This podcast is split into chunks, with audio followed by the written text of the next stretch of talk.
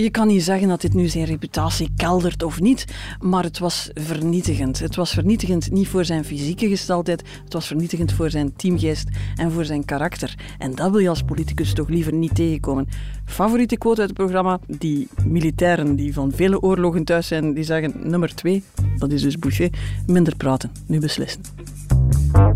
Hebben we eigenlijk wel een kanon van Vlaanderen nodig? Ik vroeg het mij af en dus trok ik naar de redactie van het Nieuwsblad in Antwerpen voor de antwoorden. En voor nog meer politieke actualiteit zoek ik hoofdredacteur Liesbeth van Impe op. Dag Liesbeth. Dag Jeroen. En de chef politiek Hannes Hendricks. Dag Hannes. Dag Jeroen. Ik ben Jeroen Roppe. Dit is de politieke podcast van het Nieuwsblad Het Punt van Van Impe.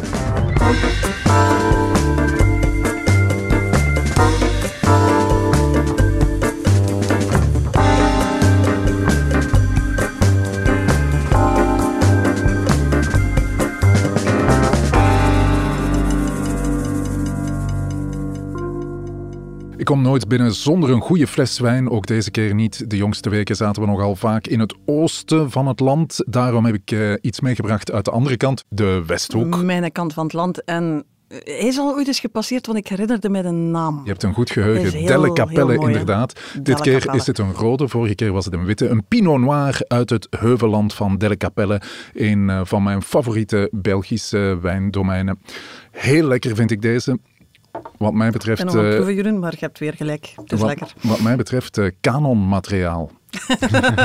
maar, uh, ik denk dat de Belgische wijnen nog net te piepjong zijn dus om... Uh, bier staat er zelfs niet in. Bier staat bier er zelfs staat niet, er in, niet in. Dus ja, gelukkig dat ze dan de wijn erin gezet hebben, want anders was er al misschien nog wat groter Dat is misschien geweest. nog iets voor een uh, Brusselse kanon uh, om uh, bier erin te zetten.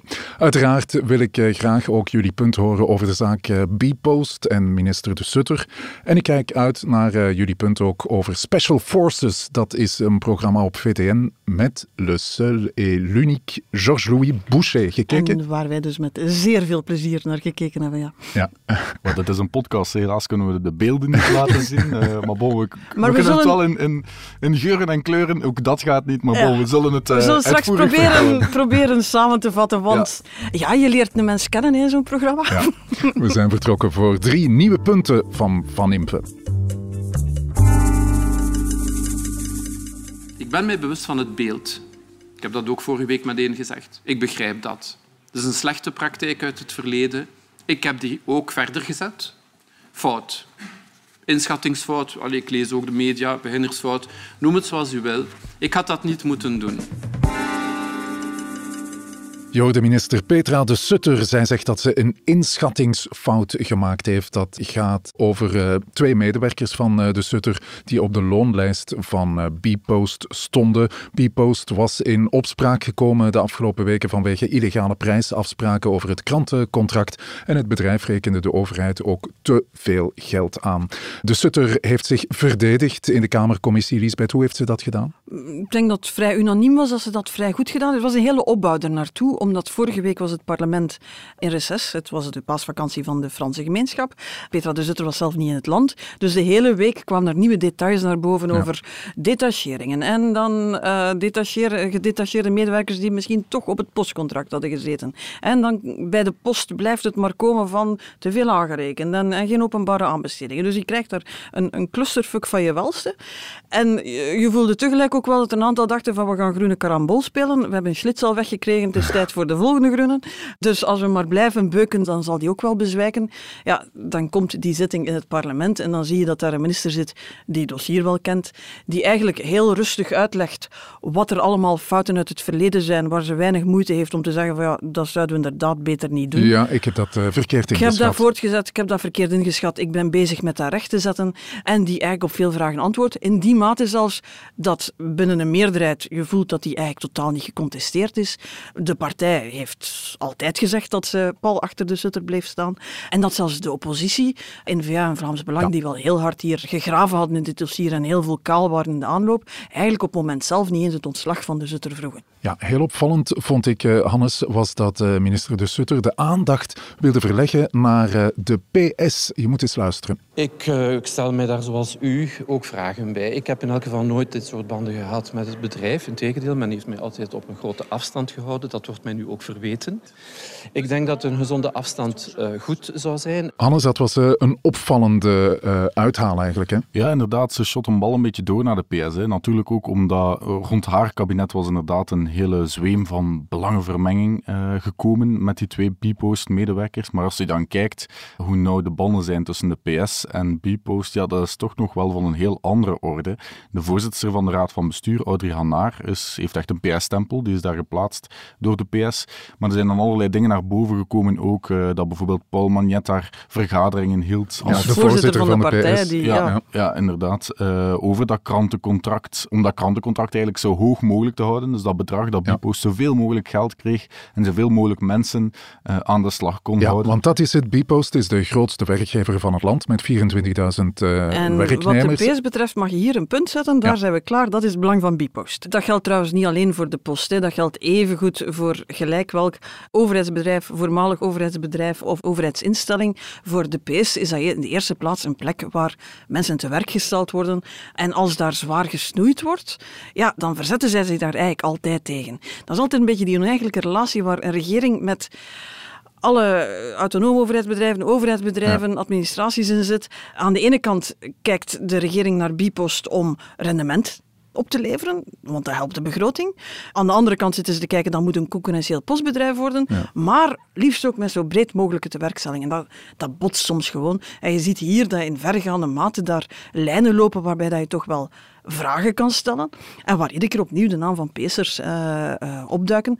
Tegelijk, laten we eerlijk zijn, we zijn gaan kijken hoe dat zit met al die detacheringen en die ja. overheidsbedrijven en noem maar op. Je ziet daar alle partijen die ooit in een regering hebben gezeten, zijn in dat systeem meegestapt, waarbij de transparantie en de banden die er zijn tussen allerlei verschillende onderdelen, ja. ja op zijn minst toch vragen doen oproepen. Hoe zit dat eigenlijk uh, met die detacheringen? Wat is dat eigenlijk, uh, Hannes? Wel ja, de kabinetten bij ons hier in België, uh, in Vlaanderen ook, zijn eigenlijk heel groot. Ja, een kabinet, dat is eigenlijk een team rond de minister of het regeringslid. Vaak zit daar 20, 30, 40 uh, man op. Zeker op ja, uh, grote kabinetten dan van de vicepremiers zoals Petra de Sutter. En dat zijn allemaal mensen die een bepaalde expertise ja, hebben. Ja, en die worden dan gedetacheerd van bijvoorbeeld bepaalde overheidsdiensten, omdat ze daar expertise hebben opgebouwd, om die expertise dan binnen te halen op een kabinet. Bij ons is het is eigenlijk dubbel ironisch. Hier is de gewoonte dat een minister de administratie eigenlijk niet echt vertrouwt. Er staat een ongelooflijke draaideur tussen ja. de regering en de administratie.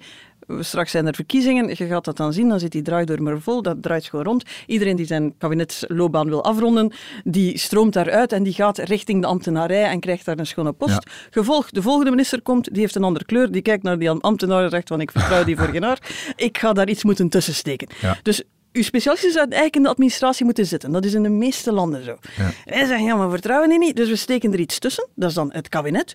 50, 60, 70, 80 man. Bedoel, ja, het zijn er 800 het, het, in totaal bij de federale overheid. kan niet op. In Vlaanderen proberen ze nog een beetje erop te letten. In Brussel kun je geen minister zijn zonder een hofhouding van ga je gaan hebben. Maar goed, het is een ziekte die op alle niveaus zit. Dat kabinet zit daar. Wie wordt daar dan gezet?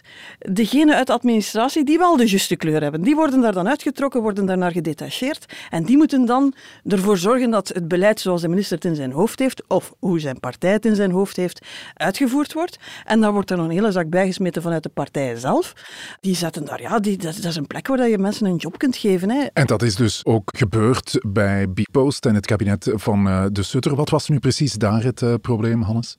Wel ja, ik denk dat je geen probleem hebt als er uh, mensen vanuit die administraties naar de kabinetten gaan, als dat neutrale administraties uh, zijn. Bijvoorbeeld ja, de minister van Onderwijs, die expertise binnenhaalt van het ministerie van Onderwijs bijvoorbeeld. Ik denk dat het een heel ander verhaal is als je met een beursgenoteerd overheidsbedrijf zit, zoals Bipost is, die zelf ja, eigen belangen heeft en als daarvan dan medewerkers naar het kabinet gaan om contracten te onderhandelen met datzelfde bedrijf. Dat zet wel de deur open voor belangenvermenging. Ja, en dan zie je dat er blijkbaar bij Pipost van alles fout loopt. Dat daar, nu gaat het over openbare aanbestedingen bij McKinsey voor heel veel geld, die niet helemaal correct gebeurd zijn, te veel aanrekenen, ja. uh, allerlei lobby. Ja, dan, dan, dan voel je natuurlijk dat je daar als minister in een compleet onmogelijke positie komt te zitten, waarbij zelfs een deel van je kabinet eigenlijk precies niet van jou is, maar eigenlijk voor Pipost aan het rijden is. Ja, is dat het uh, eerste punt, de typisch Belgische kabinetscultuur uh, vloekt een beetje met een beursgenoteerd... een, een beetje. Hier een understatement van de week. Nee, het vloekt met een uh, beursgenoteerd uh, overheidsbedrijf als uh, Bpost. Ja, ik persoonlijk vind die hele kabinetscultuur zou je moeten afschaffen, maar dat is een beetje als roepen in de woestijn. Maar je moet voor die, die, die autonome overheidsbedrijven, die eigenlijk ja, een grotere afstand tot de regering hebben, moet je veel properder governance erop zetten, veel duidelijker regels en zorgen dat er geen zweem van belangenvermenging meer mag zijn. Het punt van Van Impe.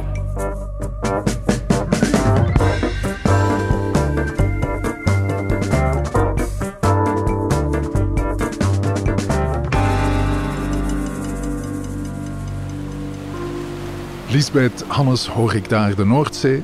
Al tienduizenden jaren leven mensen op de plek die wij vandaag Vlaanderen noemen. Ik verwacht al bijna om de stem van Tom Waas te horen. Ja. Dat is... Wat zij deden, dachten, droomden en maakten, had meer invloed op onze samenleving van vandaag. Nee, het is niet het verhaal van Vlaanderen, maar wel de kanon van Vlaanderen. Opent vensters op het verleden en neemt je mee op een tijdreis door de geschiedenis. De Vlaamse Kanon, dat is een website en een boek die dienen als een leidraad bij de geschiedenis. Je krijgt ze in de vorm van een lijst met 60 namen en gebeurtenissen. Die kan je gebruiken als een venster voor andere namen en gebeurtenissen uit de geschiedenis van wat tegenwoordig Vlaanderen heet kanonvanvlaanderen.be. Ik heb het hier openstaan. Uh, Lisbeth, het ziet er allemaal heel helder en overzichtelijk uit. Interessant ook, hè? Het is helder. Het is, um, je kan zeggen, de naam Jacques Bril staat er, maar eigenlijk gaat het over de Franstalige cultuur binnen Vlaanderen door de ja. jaren heen. En dat zijn interessante, heel helder geschreven, beknopte verhalen met dan wat voorbeelden en wat foto's ja. erbij. Het is allemaal op maat van deze tijd. Het is geen uh, lappentekst. Nee, het is niet toevallig, um, Hannes, dat Lisbeth aan Tom Waas moest denken, want uh, het uh, deed een beetje denken aan het uh, verhaal van Vlaanderen. Hè? Het tv-programma met Tom Waas dat een kijkcijferhit werd. Toen was er veel te doen over de selectie van de gebeurtenissen. Ja. Dat heb je nu minder hè, met die kanon. Ja, inderdaad. Ik denk dat iedereen er zich wel wat bij neerlegt dat zo'n uh, kanon niet af of volledig kan zijn. Uh, ik hoor toch veel verontwaardiging over het feit dat bier er niet in ja. staat en Wiltura. en, allee, de discussie is niet af, maar het nee, klopt wel. Ja, inderdaad. De, in die zin, de discussie is iets minder dan bij het verhaal van Vlaanderen. En de discussie is ook iets minder fel, omdat ze eigenlijk voor de tweede keer exact dezelfde discussie wordt gevoerd. En de parallellen zijn groot. De twee hebben strikt genomen niet veel met elkaar te maken. Het ene was een productiehuis dat dacht, mooi format. Ja. En er zit daar een Vlaamse regering met een NV die zouden dat wel eens kunnen subsidiëren. Uh, wat een volledig correcte inschatting was. De kanon die stond in het Vlaams regeerakkoord. Ja. Dat was echt een project van NVA. Maar alle twee passen natuurlijk in het idee van NVA dat Vlaanderen een verhaal over zichzelf moet vertellen, ja. complexloos, complexloos, met zijn eigen verleden moet omgaan. Dat is het woord dat dan altijd en, valt. Hè? Ja, je, je, kent het, hè, complexloze Vlaamse identiteit beleven in alle... Theo Franke, een van de kopstukken van NVA, die zei de kanon van Vlaanderen is een feit. Het is een uh, stap of stap voor uh, stap gaan we naar onze Vlaamse natie. Goh ja, ik... er zijn veel stappen hè, ja, in de richting van de Vlaamse natie. Ja, de vraag is ook wel wat een Vlaamse natie is natuurlijk. Uh, in die zin, hij zegt niet een Vlaamse natie-staat. Hè. Dus, uh, wat een belangrijk onderscheid is, hij bedoelt niet dat we naar een onafhankelijk Vlaanderen gaan, maar dat dit gaat over uh, de geschiedenis van het grondgebied ja. Vlaanderen. En dat klopt ook effectief. En de geesten en de harten. Ja, maar en... als, je, als je dan de vraag stelt of dit nu bijdraagt tot onze Vlaamse identiteit, zoals de NVA'ers wel voor ogen hadden. Ja, want dit is wat ik niet goed snap. Jan Jan Bon, de minister-president, die zei dit moet onze identiteit versterken. Ja. Terwijl Ben Wijts, de minister, zei van nee, dit moet helemaal niet de identiteit versterken. Maar ze staan alle twee te blinken op dezelfde foto. Ik heb ze nog nooit samen zo dicht bij een boek gezien met zoveel trots. Ik bedoel, het, het is, N-VA omarmt het en voor een stuk zelfs omdat het zoveel commotie veroorzaakt ja. heeft. Zowel het verhaal van Vlaanderen als de kanon hebben in de aanloop heel veel discussie losgeweekt. Uh, gaat hier de N-VA belastinggeld inzetten om van ons allemaal gelijkaardige op elkaar gelijkende, wat bekrompen Vlamingjes te maken.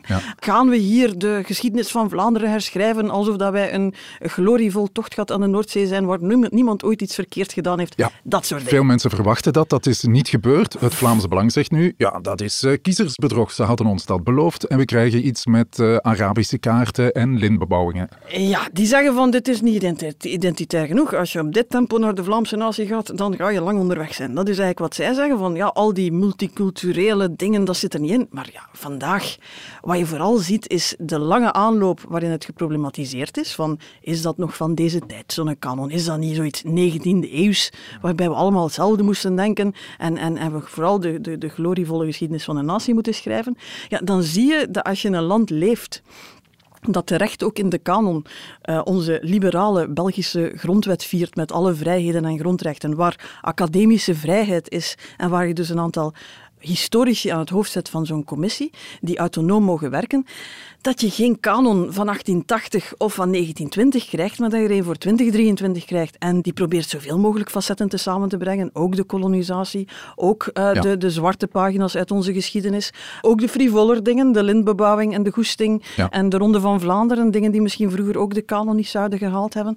Uh, en dan zie je dat we eigenlijk allemaal collectief vrij en postmodern genoeg geworden zijn om te weten dat zo'n verhaal geen afverhaal is met één duidelijke boodschap, maar vooral duidelijk maakt dat Vlaming zijn veel facetten heeft en altijd onderhevig blijft aan evolutie. Ja, waren er ook uh, andere reacties uit de politiek, Hannes? Wel ja, je had uh, Groen die eigenlijk in dezelfde lijn uh, lag. Hè. Dus iedereen had verwacht dat de linkse partijen de kanon zouden afbranden. Nu, ze hebben dat eigenlijk een beetje gedaan bij het verhaal van Vlaanderen. Nu hebben ze precies wat geleerd. Ik, ik, ik, de, de uitdrukking gaat branden, blaren zitten, komt een beetje... Ja. Allee, blijkbaar is er toch een soort van dus learning er was een, een groen parlementslid, Elisabeth Meuleman, die al lachend zei van kijk, dit is eigenlijk een woke-kanon van Vlaanderen. En ze bedoelden het dan in de positieve zin van het woord, omdat die uh, kanon ja, effectief wel oog heeft voor uh, het multiculturele van Vlaanderen. Uh, het gaat dan nog meer over de mijncités bijvoorbeeld in Limburg. als ik het goed begrijp... Het eindigt met Borgeruit en ja, de, en, de en, en, er staat er zelfs iets in over een kebabzaak. Wat de ik, eerste kebabzaak in ja, Gent staat persoonlijk alleen maar kan toejuichen. Op dezelfde pagina als ons kookboek. Voilà, dus ja, ehm, ja die reacties waren er ook. Ja, het gaat om een politiek project, zeggen jullie, net zoals het verhaal van Vlaanderen, deze kanon van Vlaanderen. Moet de politiek zich met dit soort dingen eigenlijk wel bezighouden, daar, eh, Lisbeth? Daar kan je over discussiëren tot we allemaal een ons wegen. Je zit met een Vlaams-nationalistische partij die de leiding heeft in Vlaanderen en evidenterwijs dat gevoel van Vlamingen samen probeert te stimuleren. Wat verfrissend is, is dat je vandaag, als je naar zo'n document kijkt, dat dat eigentijds is, dat dat, dat, dat uh, ja, niet zomaar een definitie is van de Vlaming weet hoe dat je bloemkool met bechamel maakt en gaat op zondag vinken zetten, maar dat dat een boeiender samenvatting is, dat we daar dingen uit leren. We hebben, uh, waar je ook ziet dat, dat geschiedkundige inzichten ook evolueren. Het verhaal over de Gulden Sporenslag, we hebben dat bij Tom Waas ook al gezien.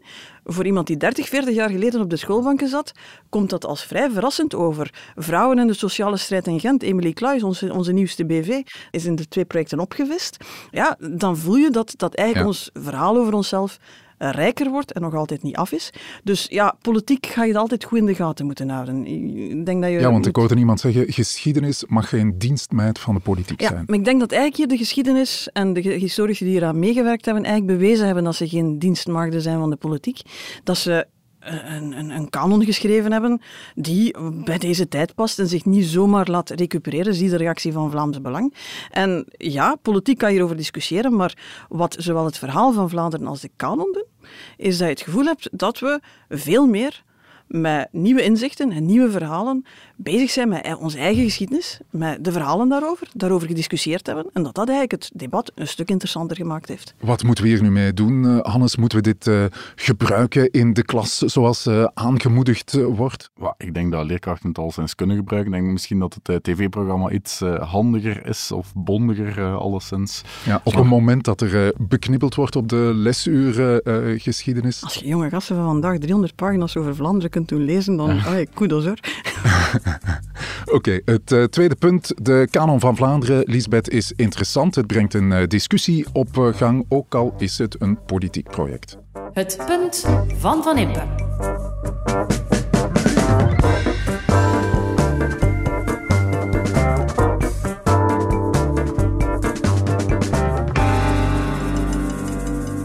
moment draagde niks bij naar de groep. Je zet een gewicht. Dat al niks kunt betekenen voor een team, dat is één. Maar dat je een team tegenwerkt, ja, dat is not done. Een keiharde terechtwijzing uit het programma Special Forces op VTM. Aan wie is die terechtwijzing uh, gericht? Onze grootste vriend, hè?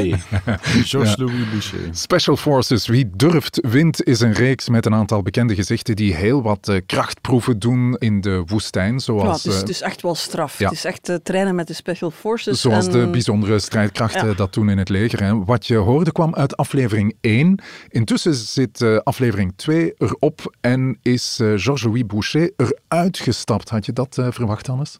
Uh, wel, als we hem op voorhand hoorden, dan niet alleszins. Uh, want ja, herinner je misschien, een maand geleden kwam ja. hij zelf met het nieuws naar buiten. Ik ben reservist geworden in het leger. Dat is een nieuwe mannelijkheid, hè? Bedoel, ja. Zo voor uw plezier een beetje in het leger. Ja, dat we dachten straks dat hij daar in Oekraïne te vechten tegen de Rus. Um, en hij kondigde dat eigenlijk zelf in de eerste aflevering uh, van het programma nu ook zo'n beetje aan. Hè. Het was de eerste beeld van Georges Louis op, op de vrachtwagen van ja, ik ben reservist. En ja, goed uh, dit programma is misschien een, een goede extra training. Het kwam zo een beetje over als uh, Georges Louis uh, ja, tegenover de andere kandidaten, want ik ben hier wel, wel de man. Ja, er zitten er ook een aantal die een heel stuk ouder zijn. Ik bedoel, Koen Wouters, chapeau, 55, ja. die kruipt daar door, door, de woestijn als was de jonge springer. maar dus Georges Louis um, wou duidelijk tonen van ik, ik, ja, alle, alle noties die bij positieve mannelijkheid zouden kunnen horen, wilde hij graag aan zijn naam verbinden. En dat was ongeveer voorbij tegen dat de generiek gepasseerd was. Hij is er uiteindelijk uitgestapt omdat de groep eigenlijk wordt gestraft omdat ik niet altijd mee kan. Dat, ja, Jeroen, dat, dat, klinkt nu als een, als een neutrale samenvatting, maar het is veel erger. Dus pas op, het is zo'n programma, iedereen trapt daar op zijn adem. Ja. En uh, je voelt ook ja, niet mee kunnen of op een iets te lastig vinden. Ja, dat is zijn excuus. Hij zei, fysiek ja, was ik niet voorbereid. Uh, eerlijk gezegd, ja, en, en dat was zeer duidelijk. Um, maar hier als politicus moeten zeggen van ja, ik kon niet mee, het ging te rap. Ik kon, ja. ja. Wat er gebeurde was eigenlijk veel schadelijker. Het ging niet over fysieke paraatheid. Het ging eigenlijk, in de commentaar ook van die, van die militairen die het hele spel begeleiden, en op den duur ook van de teamgenoten. Over een gebrek aan solidariteit karakter, eigenlijk. Hè? Ja. Teamgeest. Ja. Het feit dat hij aan het wandelen is omdat het niet meer gaat, maar dat je geen spatje zweet ziet, terwijl de rest daar ongeveer al allee, uh, ja. een oase van hun eigen zijn in de woestijn. Hij is een doodgewicht in de groep, hoorden we. Ja, allee, bedoel, het hele programma draait rond jezelf tot het uiterste drijven, voorbij ja. wat je denkt dat fysiek mogelijk ja. is, op wilskracht en, en noem maar op. In de, in de filmpjes op voorhand is hij ook echt van, ja, ik denk de mentale opdrachten, ja. gaat echt men...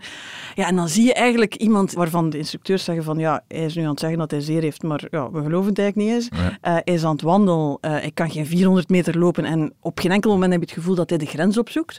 Als hij geen goesting meer is, dan wandelt hij. Ook al weet hij dat heel de groep daar gaat gestraft ja. worden. Ja, en hij zegt dan ook nog gewoon domme dingen eigenlijk. Hè. Bijvoorbeeld, uh, dan zegt hij, ja, de ganse groep moet gestraft worden, dus ik ga niet meer eten. Ja, waarop de groep zegt van, ja, maar dan ga je nog minder kunnen, gaan we nog meer gestraft worden. We hebben het vandaag al gehad over inschattingsfouten. Uh, dit was er een, hè. hij had nooit aan dit programma mogen deelnemen. Wel, als je het vanuit zijn bril bekijkt, natuurlijk wel. Ik denk dat Alexander de Croo, om maar iemand uh, te noemen, denkt van, hm, ja, eindelijk zit de wereld de echte Georges-Louis Boucher en dat doodgewicht... Alexander de Croo, bedoel, de hele wedstrijd ja, denkt. dat doodgewicht dat hij in dat programma is, is hij misschien ook in de wedstrijd. um, dus ik denk, ja, voor, de, voor andere politici ja. is het heel revelerend. Hij uh, komt voor er echt, Boucher komt er een beetje uit als een Ja. Als je een karikatuur zou willen verbeelden van de luie waal, dan excellent geslaagd. je kan geen PS'er vinden die dit beter kan. Um, het lijkt of dat, ja, van mij mogen ze, je weet dat, ik vind, ze mogen in konijnenpakken kruipen, ze mogen gekke dingen doen, I don't care. Op een moment moet hij zo van een toren verticaal naar beneden wandelen en zegt hij van, ja, als ik nu geen premier kan worden, ja, ik heb nu toch wel alles voor gedaan. Uh, ja, dan zie je de groep denken van, ja, behalve een keer doorlopen en uw ja. deel van het werk doen. Uh, ja, ik denk dat hij probeerde weer in, in Vlaanderen trouwens weer zonder één woord Nederlands te spreken. In heel dat programma, zelfs niet op de informele momenten. Dat Ja. vond ik toch ook wel eh, speciaal. Ja, scoren in. Vlaanderen is niet gelukt, maar ook heel Franstalig België spreekt hierover. Hoe schadelijk is dit nu voor eh, Georges-Louis Boucher? Maar ik denk, ik denk heel schadelijk, net omdat hij... ehm, je- voelt aan alles in dat programma dat dat al een programma is waar dat je ware aard naar boven komt. hè. Als je zo fys- fysiek op de proef wordt gesteld, denk je dat je niet meer kan faken. En als dit de echte Georges-Louis Boucher is, ja, Ja. dan eh, zou ik hem niet eh, meteen met de sleutels van de wedstrijd 16 vertrouwen. Maak er eens En- een punt over, eh Lisbeth. Eh, trouwens, Franstalig België, waar ze veel minder die, die, die traditie hebben van politici in allerlei spelprogramma's. Ja, daar zitten ze nu wel met grote ogen te kijken naar wat daar gebeurt natuurlijk. Eh, je kan niet zeggen dat dit nu zijn reputatie keldert of niet, maar het was vernietigend. Het was vernietigend niet voor zijn fysieke gesteldheid, het was vernietigend voor zijn teamgeest en voor zijn karakter. En dat wil je als politicus toch liever niet tegenkomen. Favoriete quote uit het programma, die militairen die, die van vele oorlogen thuis zijn, die zeggen nummer twee, dat is dus Boucher, nummer twee, minder praten, nu beslissen. Het punt van Van Impe.